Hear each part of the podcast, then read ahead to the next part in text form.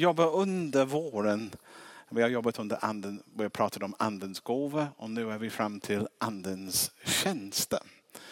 Och jag har sagt tidigare att eh, skillnaden mellan andens gåva och andens tjänst är andens gåva som verktyg i en verktygslåda som man kan använda. Andliga tjänster lite mer vem du är, hur du är uppbyggd och hur Gud har lagt, satt ihop dig. Med vad du har för talanger och fokus och karaktär och sånt. Eh, och eh, det finns fem andliga tjänster enligt eh, första nej, genom Efesierbrevet kapitel 4. Och här står det, vers 11 till 12, han gav några till apostlar, andra till profeter, andra till evangelister och andra till herde och lärare för att utrusta de heliga till att fullgöra sin tjänst och bygga upp Kristi kropp. Och vi har pratat om att de här tjänsterna behövs för att församlingen ska blomma ut och vara som det ska. Men jag tänker innan vi går vidare, vi har läst det ordet, vi ber över det och ber att Gud ska ta det och göra det levande för oss nu ikväll. Herren, vi tackar dig för möjligheten att samlas runt ditt ord. Vi tackar dig nu för, för möjligheterna att, att kolla igen på vad du har uppenbarat av dig själv genom apostlarna. Så att vi kan ta det med oss även nu 2000 år efter och bygga sunda, spännande och växande församlingar. Gör ditt ord levande, jag ber i Jesu namn. Amen. Amen. Amen. Eh, jag nämnde också när jag, jag bara gör en liten sammanfattning så vi alla är på samma blad när jag börjar. Och, och vi nämnde också att eh, kyrkan egentligen historiskt har inte jobbat med de här fem. Om vi pratar apostlarna, profeter, evangelister, herdar och, och, och lärare. Församlingen sen ungefär 300 år efter Kristus har, har tänkt att oh, vi klarar oss utan apostlar, vi klarar oss utan profeter och vi klarar oss utan evangelister. Man försöker bygga Guds församling med, med bara två tjänster när Gud har tänkt att det ska vara fem. Och jag försökte illustrera hur det är. Tänk om du skulle bara jobba med din lilla finger och den andra fingern och plocka upp grejer och, och använda dem. Det funkar inte. Men däremot om man har en hel hand som man kan röra på sig hur enkelt som helst. Och man kan ta av locket och sätta på det också, även i en hand. Och, och man märker att tummen är väldigt viktig. Och vi var in förra gången på, på aposteltjänsten. Minns ni något om vad jag sa? Man ska inte ställa den frågan annars man kan bli deprimerad ibland. Det är svårt ibland. Men jag sa så här om en sammanfattning av en apostoltjänst. Apostel är den bärare församlings DNA. Eh, mycket med urskiljningsgåvor. De, de, det sitter i dem hur man ska bygga församling som Jesus har sagt att de ska göra. Och jag har sagt att eh, det mest är det naturligt känsla, det är inlevelse de får. De bara vet hur det är. Och de läser Guds ord och de ser och de förstår. Men en apostel är en väldigt viktig tjänst. Och det behöver inte vara, vi har sagt att det behöver inte vara överste chef. Så länge den tjänsten funkar, det är lite grann som tummen som ser till att alla de andra tjänster får utrymme och, och växa. Jag har sett att en apostel är skapad för rörelse och intagning mark. Apostel är egentligen utsänd. De är utsänd. En apostolisk tjänst alltid vill utveckla, alltid vill utvidga, alltid vill försöka gå över olika gränser om det är kultur eller nationalgränser sånt för att församlingen ska vara missionell i sin, i sin, i sin, i sin DNA. En, eh, och en apostel kan skapa och behålla globala och lokala nätverk. De, de plockar ihop folk. De plockar ihop och ser hur de, ni kan jobba ihop det här lite. De, de är mästerbyggare och plantare. Och sen sist jag sa, de lämnar en Jesus avtryck efter sig. Du vet om du har en riktig apostol och tjänst i församlingen. För, för Jesus på något sätt är personifierad. Jesus är också upplyftad. Och, och, och de värderingar som Jesus hade byggs in i den församling som, som apostlarna är med på och bygga. Annars de trivs inte. Och det var ungefär en väldigt viktig bit jag, jag sa också. Att apostlarna, de är, de är inte de är inte maktmänniskor. Det handlar inte om att den som bestämmer. Det handlar om att bekänna och skapa utrymme. en annan viktig sak är att vi är alla en av de fem. Vi pratar inte bara om fem speciella människor som ska leda församlingen. Du och jag, vi alla Eh, någon blandning av de fem. Och här har jag en liten bild där. Du kanske är mer apostoliskt eller mer evangelistiskt eller profetiskt eller, eller lärare eller herde eller sånt. Och vi är alla olika och unika. Så det handlar inte bara om när man pratar om detta att det är bara några få. Det handlar om vad du och vad jag passa in. Och mitt mål är, varje gång jag undervisar om detta är inte att ni tänker det är jättebra vad du säger. Målet för mig är att ni känner ja, jag känner igen mig där. Jag är en liten sån. Så att ni känner lite tryggare att, att börja fungera i den tjänst som ni har. Men idag är vi är fram till den andra som är en profetisk tjänst. Eh, jättespännande tycker jag. Om vi tar apostlar, profeter. De här två brukar trivas väldigt bra ihop. För bägge två har sin fokus, inte inåt mest men utåt. Åt Gud. Vem han är och vad han vill. Och, eh, den allmänna uppfattningen om en profet eller en profetisk person ofta är att de förutsäger framtiden eller de har hemliga kunskap om någonting. Och, och jag vill i början på den undervisningen bara sudda bort den bilden. Det är en liten del av den tjänsten. För om vi, om vi vill veta vad en profetisk tjänst är för något, vi måste gå till Bibeln och speciellt till Gamla Testamentet och se vem var det som var profet där i Gamla Testamentet. Nu ni kan hjälpa mig. Kan ni nämna några gamla testamentet profeter? Vad sa du? Jesaja? Yep. Jeremia, ja. Nahum. Och han kan sin eh, mindre profet. Ja, vad sa Amos. Hesekiel. Elia, ja verkligen. Det. Elisa? Vad sa du? Zefania? Ja. Come on. Vi har redan haft det. Nehemja, definitivt. Kan man tänka på Mose? Kan man tänka på... Ja, det är nya testamentet då. Habakuk, ja. Joel? Ja. Daniel? Ja.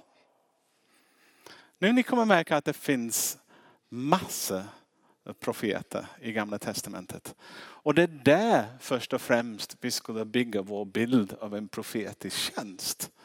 Eh, man tänker, den Bibeln alltid lägger grunden som vi ska utgå ifrån och bygger från. Och sen kommer vi till Johannes döparen också lite. Och sen också eh, profetiska tjänsten i, i Nya Testamentet. Men grunden sitter i Gamla Testamentet när du läser om de här gamla profeterna. Som egentligen, och jag säger egentligen, vad skilde dem från alla andra människor var att de var så Gud fokuserad och så passionerad över, över att folk skulle veta vem Gud är och vad han står för. Att de blir ganska obehagligt att umgås med för de var ganska envisa och vill tala om för alla. Här, här är Gud, den sanna guden. Och samtidigt som de beskrev det, de ska, och, och här är vi. Och, och, och, de, hade en otro, de hade en otroligt förmåga att kunna klara av avstånd mellan var Gud befinner sig och var vi befinner oss. Och vad behövs för att den avstånd skulle minska. De alltid kallar folk till omvändelse. Till att vända om var en vanlig, vanlig typ eh, uttal som de hade. Och de sa det med passion. De verkligen brann. Att, att, att folk skulle veta vem detta, denna guden är egentligen. Vad han tänker, vad han, vad han vill och, och vad vi är skapade för. Och de var jag skulle nästan säga väktare på förbundet. Den gamla testamentet förbundet. De säger, vi, vi är inne i en kärleksförbund. Lite grann, förbundet är en konstig ord men tänk äktenskap. Starka löfte. Och vi har lovat det, Gud har lovat det, men vi, vi uppfyller inte vår del av förbundet. Och de varnade folk hela tiden. Stopp, stopp, sluta, du kan inte leva så där. Annars vi viker av från Guds perfekta plan. Och de gick framför kungen eller vem som helst som skulle säga nej, nej, nej, nej. Så får vi inte göra. Och när folk försökte ja, komma in med någon vilolärare eller någonting sådär. De var de första som skulle tala ut och säga nej. Så är inte Gud. Gud har sagt. Så de var väldigt på.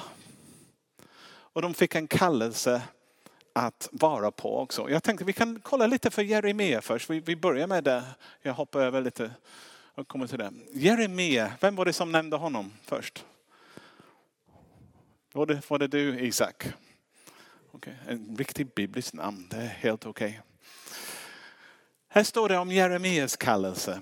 Han sa, Herrens ord kom till mig. Han sa det, innan jag formade dig i moderlivet utvalde jag dig. Och innan du kom fram ur modersköttet helgade jag dig. Vad, vad sa jag? En, en, tjänsten är vem du är. Det är hur Gud har lagt ihop dig.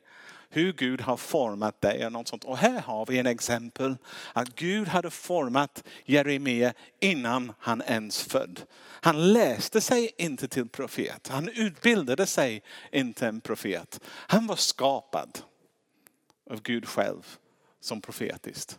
Och det står, jag helgade dig till profet för folken. Men jag svarade, åh herregud, jag kan inte tala. Jag är för ung. Då sa det Herren till mig, säg inte jag är för ung, utan gå vart jag än sänder dig, tala vad jag än befaller dig. Var inte rädd för dem, för jag är med dig för att rädda dig, säger Herren. Och Herren räckte ut sin hand, rörde vid min mun och sade till mig, se jag lägger mina ord i din mun. Jag sätter dig idag över folk och riken för att ryka upp, bryta ner, förgöra, fördärva, bygga upp och plantera. Det var ingen missgubbe, eller hur? Vi pratar inte om en diplomattjänst här. En, fin känsliga. Vi pratar om en radikal väktare. En ajabaja. Så ska vi inte göra. Hans uppgift var att väcka folk, att verkligen skaka om folket när de började gå ifrån det som Gud eller vad de och Gud hade lovat varandra när de ingick i en förbund tillsammans. Eh, eh, om jag skulle rita det på, på också en, en bild. Oj. Ni vet hur konstnärlig jag är.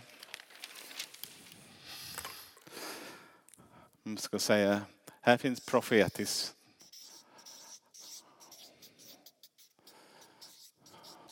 Och sen här finns Gud, hans värderingar. Eh, och, och, och vilja. Och här finns folket.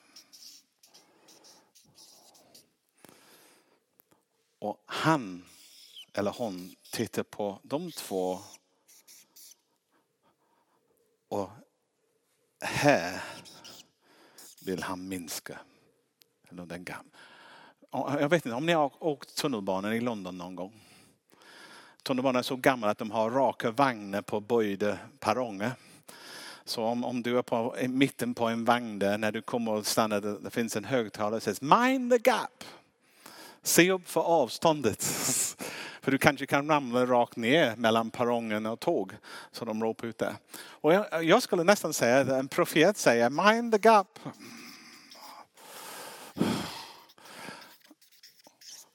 Se upp med denna avstånd. Och för en profetiskt lagd människa, den avstånd duger aldrig. De vill att de kommer tillsammans så att Guds vilja och vår vilja är enad då är en profetisk människa väldigt glad och nöjd. De till och med går i extas. och kommer gå in i tillbedjan och allt sånt där. Nu har de fått sin uppgift gjort. Att vi har förflyttats. Och, och mycket för den budskap, för att det ska röra sig med det, det är också den omvändelse som kommer. Så profeter hade en väldigt hård budskap ofta att förmedla. Eh, deras huvudfokus egentligen handlar inte så mycket om framtiden och vad kommer ska. Deras huvudfokus handlar om, kommer vi uppnå den framtiden som Gud förväntar av oss? Det var, det var mer här och nu.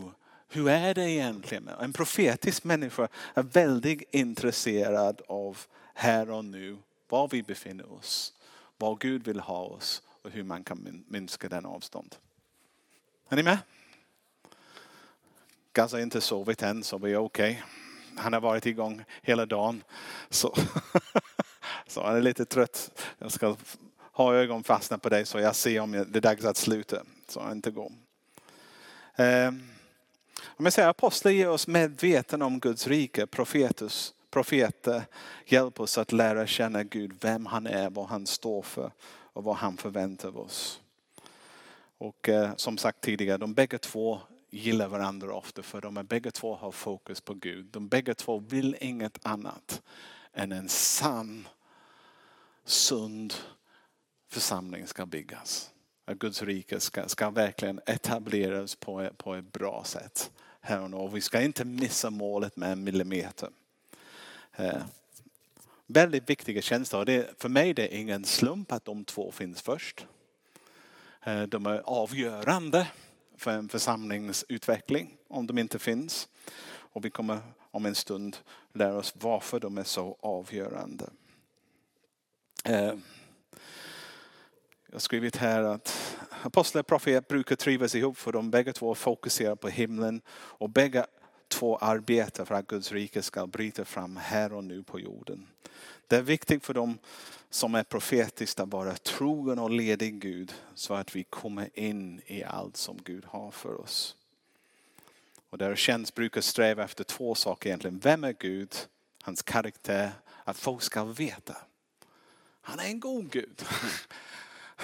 Och de beskriver, beskriver honom också. Den andra, vad är det som han förväntar sig från oss? Hur ska vi förhålla oss till den guden som har uppenbarat sig? Eh, en profetisk person, de känner, igen, de känner smärtan i Gud när folk vänder ryggen mot honom. För dem det är inte en, en tekniskt eh, iakttagelse att folk vänder sig ryggen till Gud och går en annan väg. För de, de känner men åh, det gör ont i dem. De tänker, tänk hur Gud han, han häller ut så mycket kärlek, så mycket uppmuntran, han ger så mycket goda saker om folk bara för att de i sin tur ska vända ryggen för dem. Jag, jag minns hur, hur jobbigt det var för mig ibland som, som förälder när du har barn, små barn och, och du ser dem leka i en sandlåda eller på en lekplats.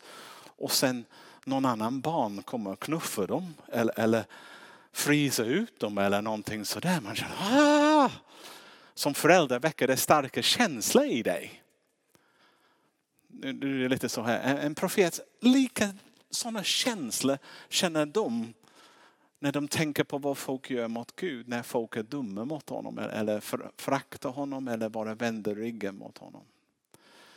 Och lika starka är de känslor också för folk som befinner sig, som har valt en annan väg. Om man säger, deras lidande när de ser synden också ganska stor. När de ser folk som har knarkat sönder sitt liv eller när de ser folk som har har bara fyllt sitt liv med materiella saker och saknar innehåll. Det gör ont för dem. Att se att en människa kan gå så tom. När Gud, där har så mycket är. Och de känner den smärta, det är en passionerad känsla som Gud lägger i dem. Och jag ska säga för de flesta av dem, de känner detta. Det är inte någonting som de läser, de bara, ah. Gud är given egenskap i, i hur de är uppbyggd.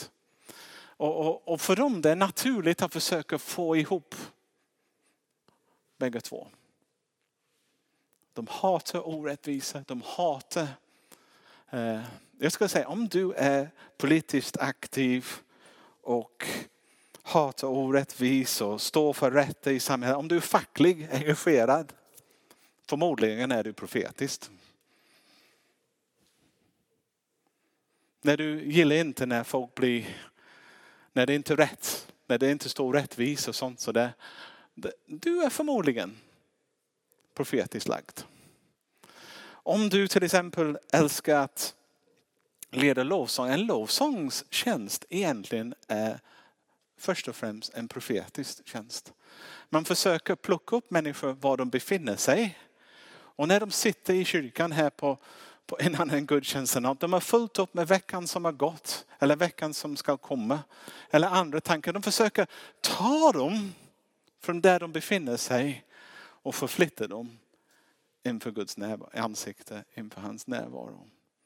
Det är en profetisk tjänst. När man försöker minska avstånd mellan var vi befinner oss till att vi befinner oss precis var Gud vill ha oss. Där han kan tala in i våra liv. Så den profetiska tjänsten har många facetter. Det är inte bara en gammal viftande eller, eller, eller skrikande. Och samma med, när man använder samma ord för att förkunna, profetera. Och det var folk blandar ihop det ibland och tror att bara förkunna är profetiskt. Men det är mycket mer. Till exempel när du förkunnar, du försöker lägga ut Guds ord, vad Gud har sagt. Och sen alla för, sunda förkunnare också försöker sen flytta det så att folket hittar tillbaka till Gud. Och det är vad förkunnelse går ut från. Att ta folk någonstans var de befinner sig, leder dem på en resa som de kommer närmare vad Gud vill ha dem. Om du har någon gång läst homiletik, eh, om du har läst teologi eller sånt, homiletik är konsten att tala eller förmedla en budskap. Det handlar om att ibland eh, när de lär ut förkunnelsetjänsterna att du plockar upp människor någonstans och tar dem genom en resa. Och en duktig predikant kan plocka upp människor där de befinner sig och ta dem på en liten resa och lämna dem någon annanstans som som förhoppningsvis är närmare vad Gud vill ha dem. Är ni med? Lite nickande. Kontakt med publiken är väldigt viktigt. Annars dör jag med. Så vi går, ja, ja. vi ska vara en pingstförsamling någon dag.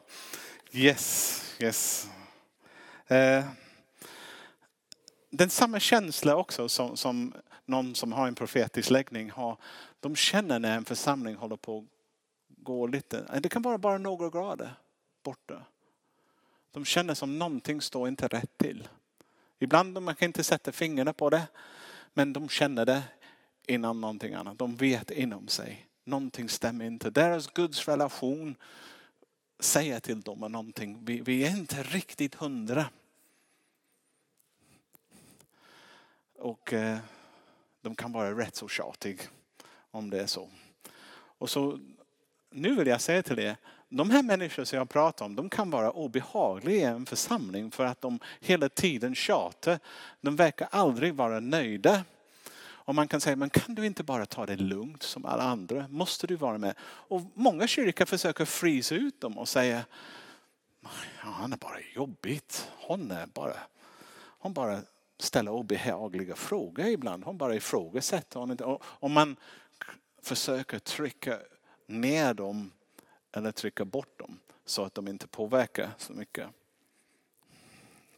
Och eh, de gör det med flit ska jag säga. Men jag ska säga så här, om en församling bara får positiv feedback, vi kommer aldrig uppnå vår mål. Någon, någonstans måste säga var vi går fel, eller hur? Tänk om alla bara nickade och sa ja, ja, halleluja, kör på eller någonting sådär.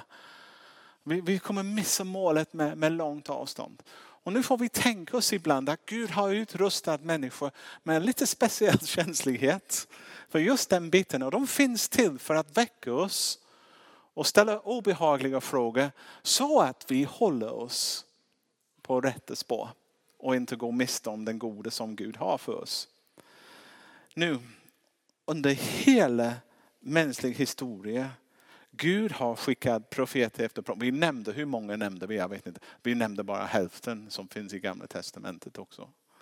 Kanske även Samuel, vi nämnde inte honom, eller hur? Så det var bara en jag tänker på dem hela tiden. Men varje gång Gud skickade en profet, de flesta som fick sin uppgift, men Jeremia, vi började läsa Jeremia, vet du hur kyrkohistoria tror att han dog? De sågade honom i två i Egypten. Och varenda gång han sa någonting till folket, nog gör inte det, de gjorde det. Och om du läser det, han kallas den gråtande profet.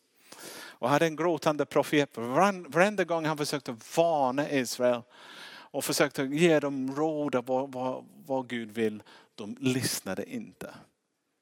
Och även den sista delen, när allt har gått fel och de kallade honom och säger, Ställa, vad, vad ska vi göra? Han säger, stanna kvar, Ni kommer, de kommer ta hand om oss bra. Och de säger, nej det gör vi inte, vi åker till Egypten. De struntade i honom. Och alla profeter nästan dödas, fängslas, avsidosätts eller förföljs på ett eller annat sätt. För att den vanliga folksamling tål inte deras tjatande. Frågan är, i Linnékyrkan, tål vi sådana tjatande? Eller vill vi bara ha, ja det var jättebra, det var jättebra, kör på. Tror du att det blir mer sunt om vi bara hade det? Ska vi läsa några bibelord? Matteus kapitel 14, 1-5. Här är en bra exempel. Nu var Isak, han nämnde det, eh, John the Baptist. Han, han, hans uppgift, vad var det? Han gick ut i öknen, han ropade till folket, vänd om så att ni inte missar honom. Se Guds lam som tar bort eh, världens synd. Hans uppdrag var att få folk att inte missa Jesus när han kom. Så han bara ropade ut hela tiden. Han försökte få folk, sluta tänka på det, sluta leva på det. Omvända dig för det typen av liv. Vända dig om så att du får möta Guds son som kommer. Och här är en beskrivning av hans liv, stackaren. Sammanfattning. Vid den tiden fick landsförste Herodes höra rykten om Jesus. Och han sa det till sin tjänare. Det är Johannes döparen. Han har uppstått från den döde och det är därför dessa krafter verkar i honom. Herodes hade nämligen låtit gripa och binda Johannes och sätta honom i fängelse på grund av Herodias, hustru till hans bror Filippus. Johannes hade sagt till Herodes, det är inte tillåtet för dig att ha henne. Här Gud har sagt, du ska inte begå äktenskapsbrott. Och det är vad du gör just nu när du tar henne. Så han pekar på vad Gud har sagt till deras handling. Han säger nej, nej, nej, du kan inte göra det. Herodes vill döda honom. Men han var rädd för folket eftersom de ansåg att Johannes var en profet. Och till slut de dödade honom.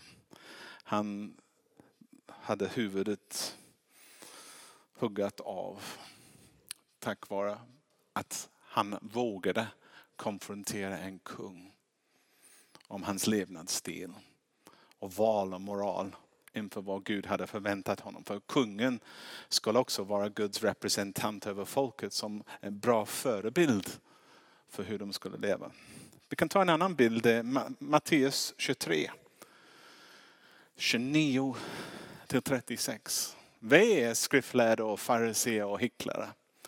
Ni bygger profetens gravar och sminkar de rättfärdigas gravmonument och säger hade vi levt på vår fäders tid så hade vi inte varit medskyldiga till profetens blod. Så vittnar ni om er själva att ni är söner till de som mördade profeterna. Fyll då också ni era fäders mått. Orme, huggorms yngel. Hur ska ni kunna undgå att dömas till Gehenna.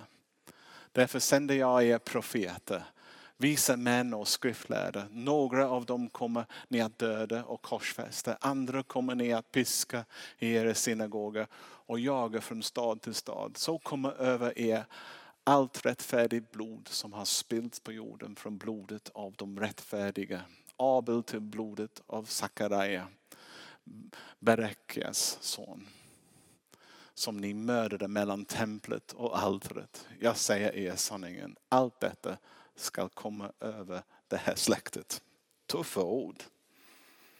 Men egentligen en sammanfattning av hur även de fariséerna och judarna, de sa att men vi dödade inte profeter och de dödade Jesus istället som var den största av alla profeter. För de tålde inte hans budskap. Upprörighet, syndens väsen ropade eller, eller revolterade i dem. Så de fick de vill ta bort den påminnelse som, som står i vägen. Vad sa du? det fanns två släkt, fariseer och sadduceer. Fariséerna var religiösa ledare som var utbildade i judisk tro. Som eh, egentligen, de höll alla de skolor och undervisade folket om egentligen hur ska man bli Guds folk. Så de, de, de var jättefina. Om, om du skulle önska en god granne, om du hade farisi, du skulle bli glad för honom. Han skulle aldrig störa dig, han skulle inte ha fest. Han skulle inte ha ogräs i trädgården som blåste över i din. Sånt. Han skulle vara ordningsamt och fint och, och väldigt fin. Men de var väldigt lagiska och byggde sin eh, tro mycket mer på gärningar än en tro på Jesus Kristus. Det, är därför det missade de. Men eh,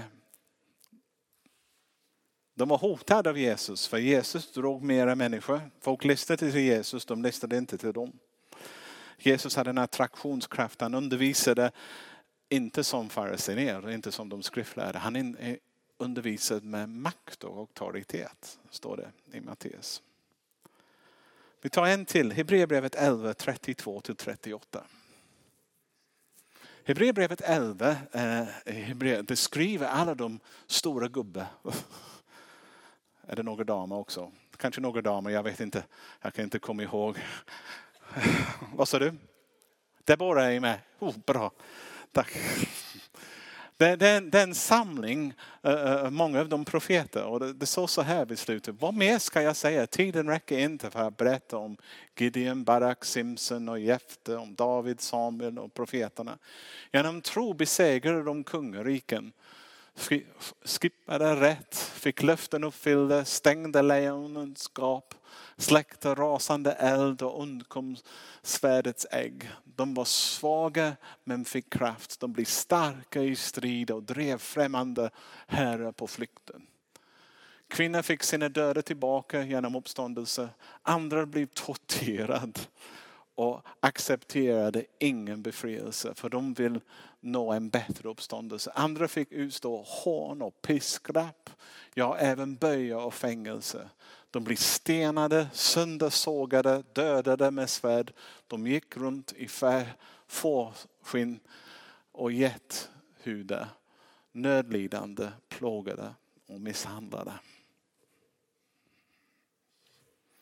Eller?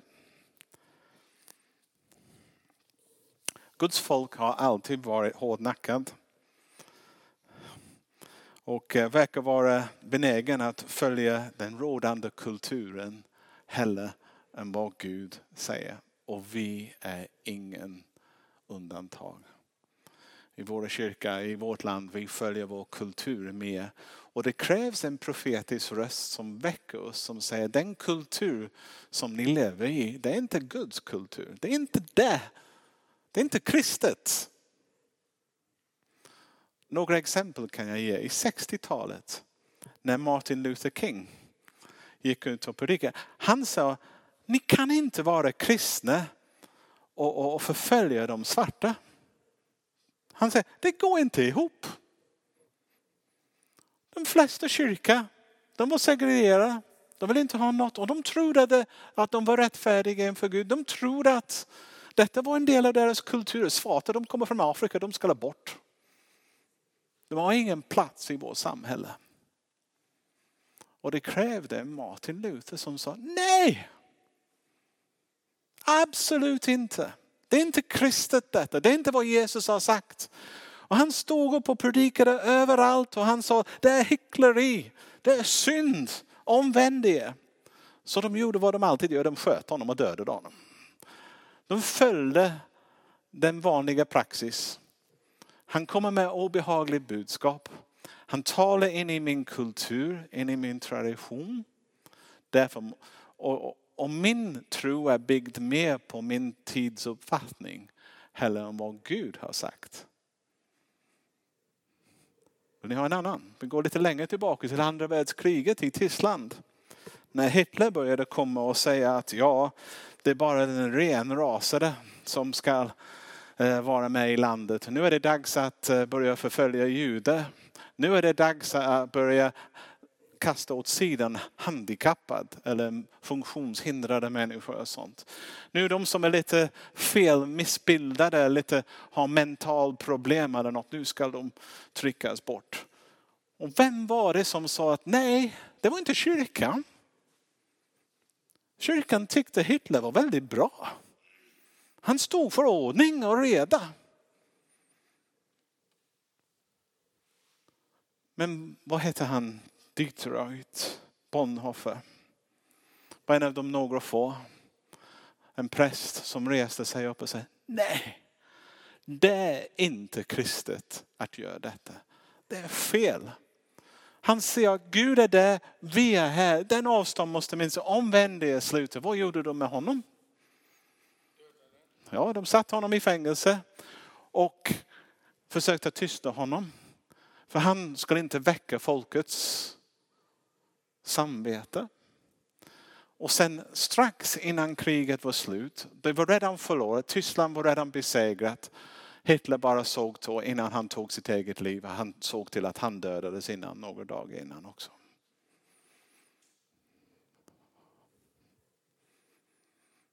Den enda frågan är, är vi bättre? Vad kommer de säga om oss om, om 50 år? Var ligger våra blind spots som vi inte ser? som kräver en profetisk röst som väcker oss. De flesta väckelsepredikanter har en profetisk, de säger att jag behöver en profetisk predikan. Det är det som väcker mig så att jag förstår min tillstånd som det är inför Gud och inte bara inför mina egna ögon. Så att jag, jag fattar att oj, det står illa till med mig just nu. Jag behöver omvända mig och vända mig till Gud och komma tillbaka. Så det är vanligt att vi ska döda en profet om vi kan. Jag ska säga också, jag började säga lovsångstjänsten är en profetisk tjänst. Nu jag ska säga, om du skulle fråga mig, vad är den största bråk i den flesta kristna församlingen? Jag ska, det sitter i lovsång. De Många människor vill inte ha de intima sånger som gör hög bekännelse. Att Jesus, jag älskar dig. Jesus, jag vill ge dig allt och sånt sådär. De älskar att sjunga om Gud, Gud och sånt. De, de som proklamerar sanningen. Men så fort man börjar komma in på, på tillbedjan som blir personlig och speciellt tillbedjan som blir passionerad och låt oss komma ihåg att profeter är passionerad. De är inte bara någon som säger sanningen. De har hela sin själ bakom det och, och, och försöker få folk igång. Så, så, så plötsligt är det motstånd när någon människa vill stå där och passionerat säga Gud jag älskar dig med arm uppsträckt och andra går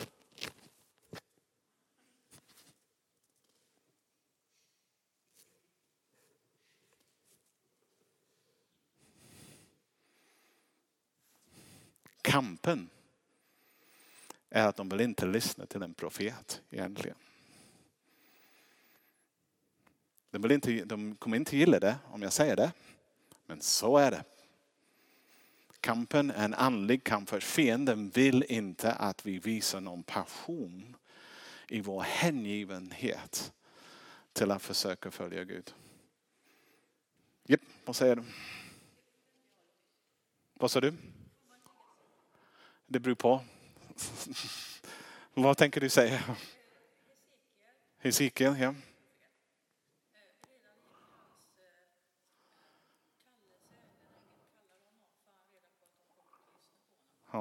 Hesekiel säger, redan i hans kallelse, han fick reda på att de kommer inte lyssna till honom.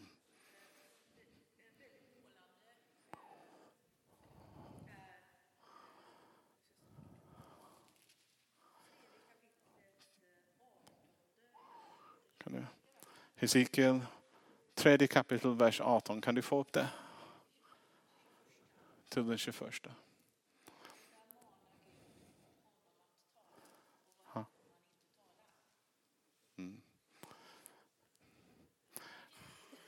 Hesekiel kapitel 3, vers 18 till 23. 21. Jag ska säga, vi har en bibelvers som du kan redan stoppa upp där som Jeremia. Vad, vad, vad står det där i Jeremia, sista, sista delen? Fäst upp dina kläder, res dig och tala till dem allt som jag befaller dig, står det. Var inte förskräckta för dem så att jag inte låter skräcken drabba dig inför dem, säger Gud till honom. En liten varning. Du måste säga det. Herre, när jag säger till er ogudaktiga, du ska dö och du inte varnar honom och inte säger något för att varna den ogudaktiga för hans ogudaktiga väg och så rädda hans liv. Då ska den ogudaktiga dö i sin missgärning. Men jag skall utkräva hans blod av din hand. Men om du varnar den ogudaktige och han ändå inte vänder om från sin ogudaktighet eller sin ogudaktiga liv, då skall han dö i sin missgärning. Men du har räddat din själ. Och när en rättfärdig man vänder om från sin, rätt, vänder om från sin rättfärdighet och gör det som är orätt, då ska jag lägga en stötsten i hans väg och han ska dö. Om du då inte har varnat honom skall han dö i sin synd men skall inte komma ihåg de rättfärdiga gärningar han tidigare har gjort. Utan jag skall utkräva hans blod av din hand. Jättejobbiga text, tack så mycket. Jag ska bara säga, det, det, det fångar upp hur en profet, han måste, eller hon måste. För om han inte säger det som Gud har lagt på hans hjärta eller hennes hjärta och folk fortsätter i sin oled, då, då skulden läggas på honom eller på henne, inte på den personen. Så de, de är verkligen motiverade för att utföra sin tjänst. Nu vill jag springa på. Oh. Du kan ta det i din grupp efteråt. Okej. Okay. Jag ser klockan bara rusa förbi som det brukar göra och jag försöker få allt igenom jag vill göra. Eh, om en kristen församling stänger av sin radar, det är som en eh, stänger av sina profeter, det är som en flygplan som stänger av sin radar. Och vad händer till en flygplan som stänger av sin radar? Det flyger in i ett berg.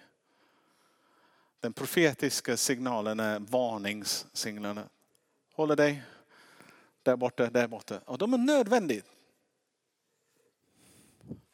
Nödvändiga. Förlåt. Nu, snabb, jag snabbar på. Någon biblisk grund för profeter. Deras huvuduppgift är att kalla folk tillbaka till Gud och i sin tur den är en kallelse tillbaka till Jesus. En kallelse till Jesus för det är bara Jesus som kan ta oss till Gud.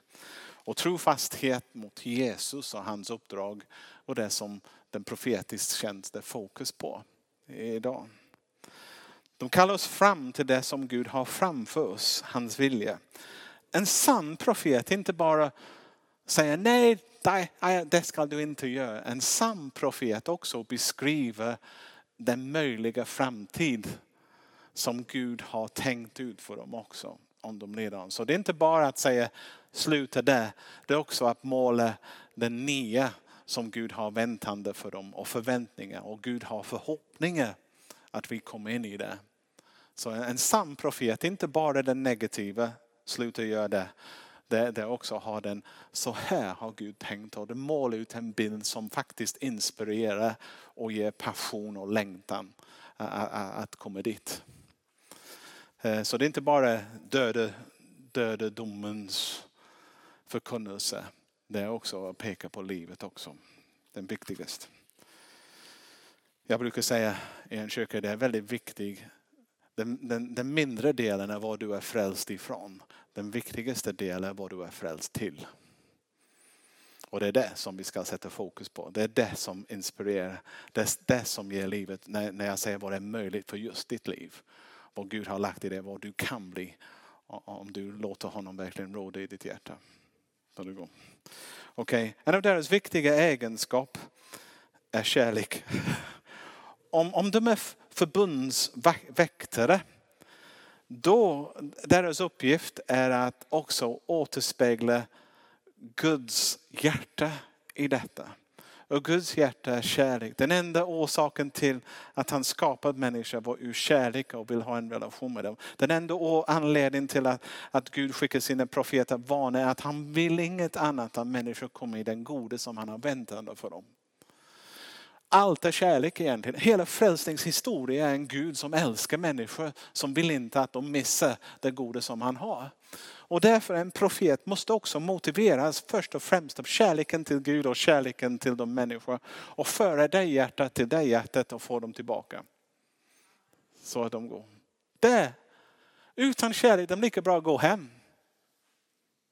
Om vi bara predikar syndare här och börjar slå på för lika bra att gå. Men det är inte bra. Det är inte din uppgift. Din uppgift är att säga ja, synden kommer leda till döden men det är också att förklara och måla upp för dem den stora hjärta som Gud har och vad han tänker. Yes. Ah, om jag var i en pingstkyrka de skulle säga amen igen men vi, vi är inte där än. Ehm, alla, jag säger alla sanna profeter också har energi och passion och inte enbart tillrättvisning. Och en bra sammanfattning ska jag återkoppla till vad vi pratar om den profetiska gåvan om vi går till eh, eh första Korintierbrevet 14, vers 3. Men de som profeterar talar till människor och ger, vad är det?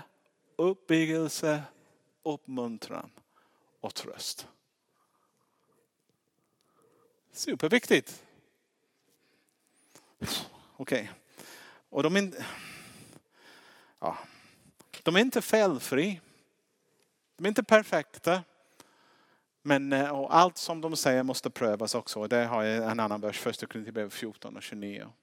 Två eller tre profeter ska tala och de andra ska pröva det som sägs. Det är ingenstans som vi ska bara köpa allt som sägs. Vi ska öppna Bibeln själv. Om en profet säger så är inte Gud, Gud har sagt. Vi ska säga, vad sa han det? Eller var får du det ifrån? Vi ska pröva, eh, stämmer det med vad, vad Bibeln säger eller inte? Och sen, sen gå vidare på det. Nu kommer jag in på landning så snart eh, är jag slut. Jag kan säga utan profeter eller den profetiska tjänsten församlingen tappar av förväntan att Gud talar idag. Utan den profetiska tjänst undervisning hamnar på Gud gjorde si och så och så. Och det är en historisk lektion om tro. Men den profetiska tjänsten gör det levande och väcker en förväntan att Gud kan även tala till dig och mig idag. Utan en profetisk tjänst tappar församlingen eh, att Gud gör mirakler. Man glömmer bort att denna Gud som vi tillber är en mirakelgörande Gud. Och den övernaturliga, den ingripande som kommer med en profetisk tjänst. Sök upp det och verkligen förlösa det. Utan en profetisk tjänst vi nöjer oss med den rådande friden istället för att inta Guds bästa. Utan en profetisk tjänst är en församling ingenting mer än en mysig härklubb när vi alla beundrar varandra och slår varandra och ryggen och säger du är bra, du är bra, du är bra. Den profetiska tjänst tar en, eh, en pinne och stoppar det i rumpan på sig. Det gör det obekväm. Och säger kom igen, kom igen. vi går. Um, utan en profetisk tjänst vi tappar den eskatologisk perspektiv. Vi, vi tappar bilden av att Jesus kommer tillbaka. Att det finns en framtid. Att vi håller på att, att, att gå mot ett slut. Att det finns en plan som vi är kallade in på. Utan en profetisk tjänst nöjer vi oss att Gud som skapar istället för en kärleksfull vän som beskyddar oss. Det är en stor skillnad. Vi pratar om Gud som har en faktum, lite sådär och akademisk beskrivning istället för den relationsnärvaro eh, Gud som han, han är.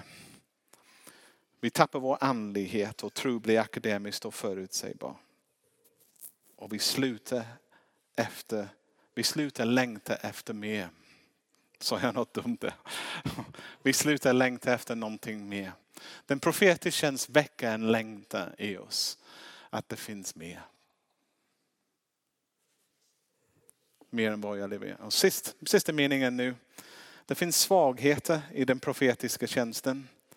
Det kan upplevas som tjatig och aldrig nöjda och döm, dömande.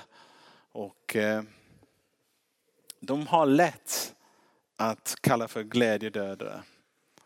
Jag har, ofta, jag har haft så många profeter som kommer till mig och säger, har du inte sett det? Och de pekar på att församlingen inte riktigt bra på, på en sån, eller vi missar målet här. Och jag är bara glad för jag tänker året innan var vi så långt bort men nu är vi bara så. Vi har minskat avstånden en del men ändå, det räcker inte för en riktigt profetisk person. Ändå är det för mycket. Och, och, du måste, om du har en profetisk du måste lära dig att fira dina små seger. Inte bara vara missnöjd med det som vi inte har. Okej? Okay? Det är väldigt viktigt.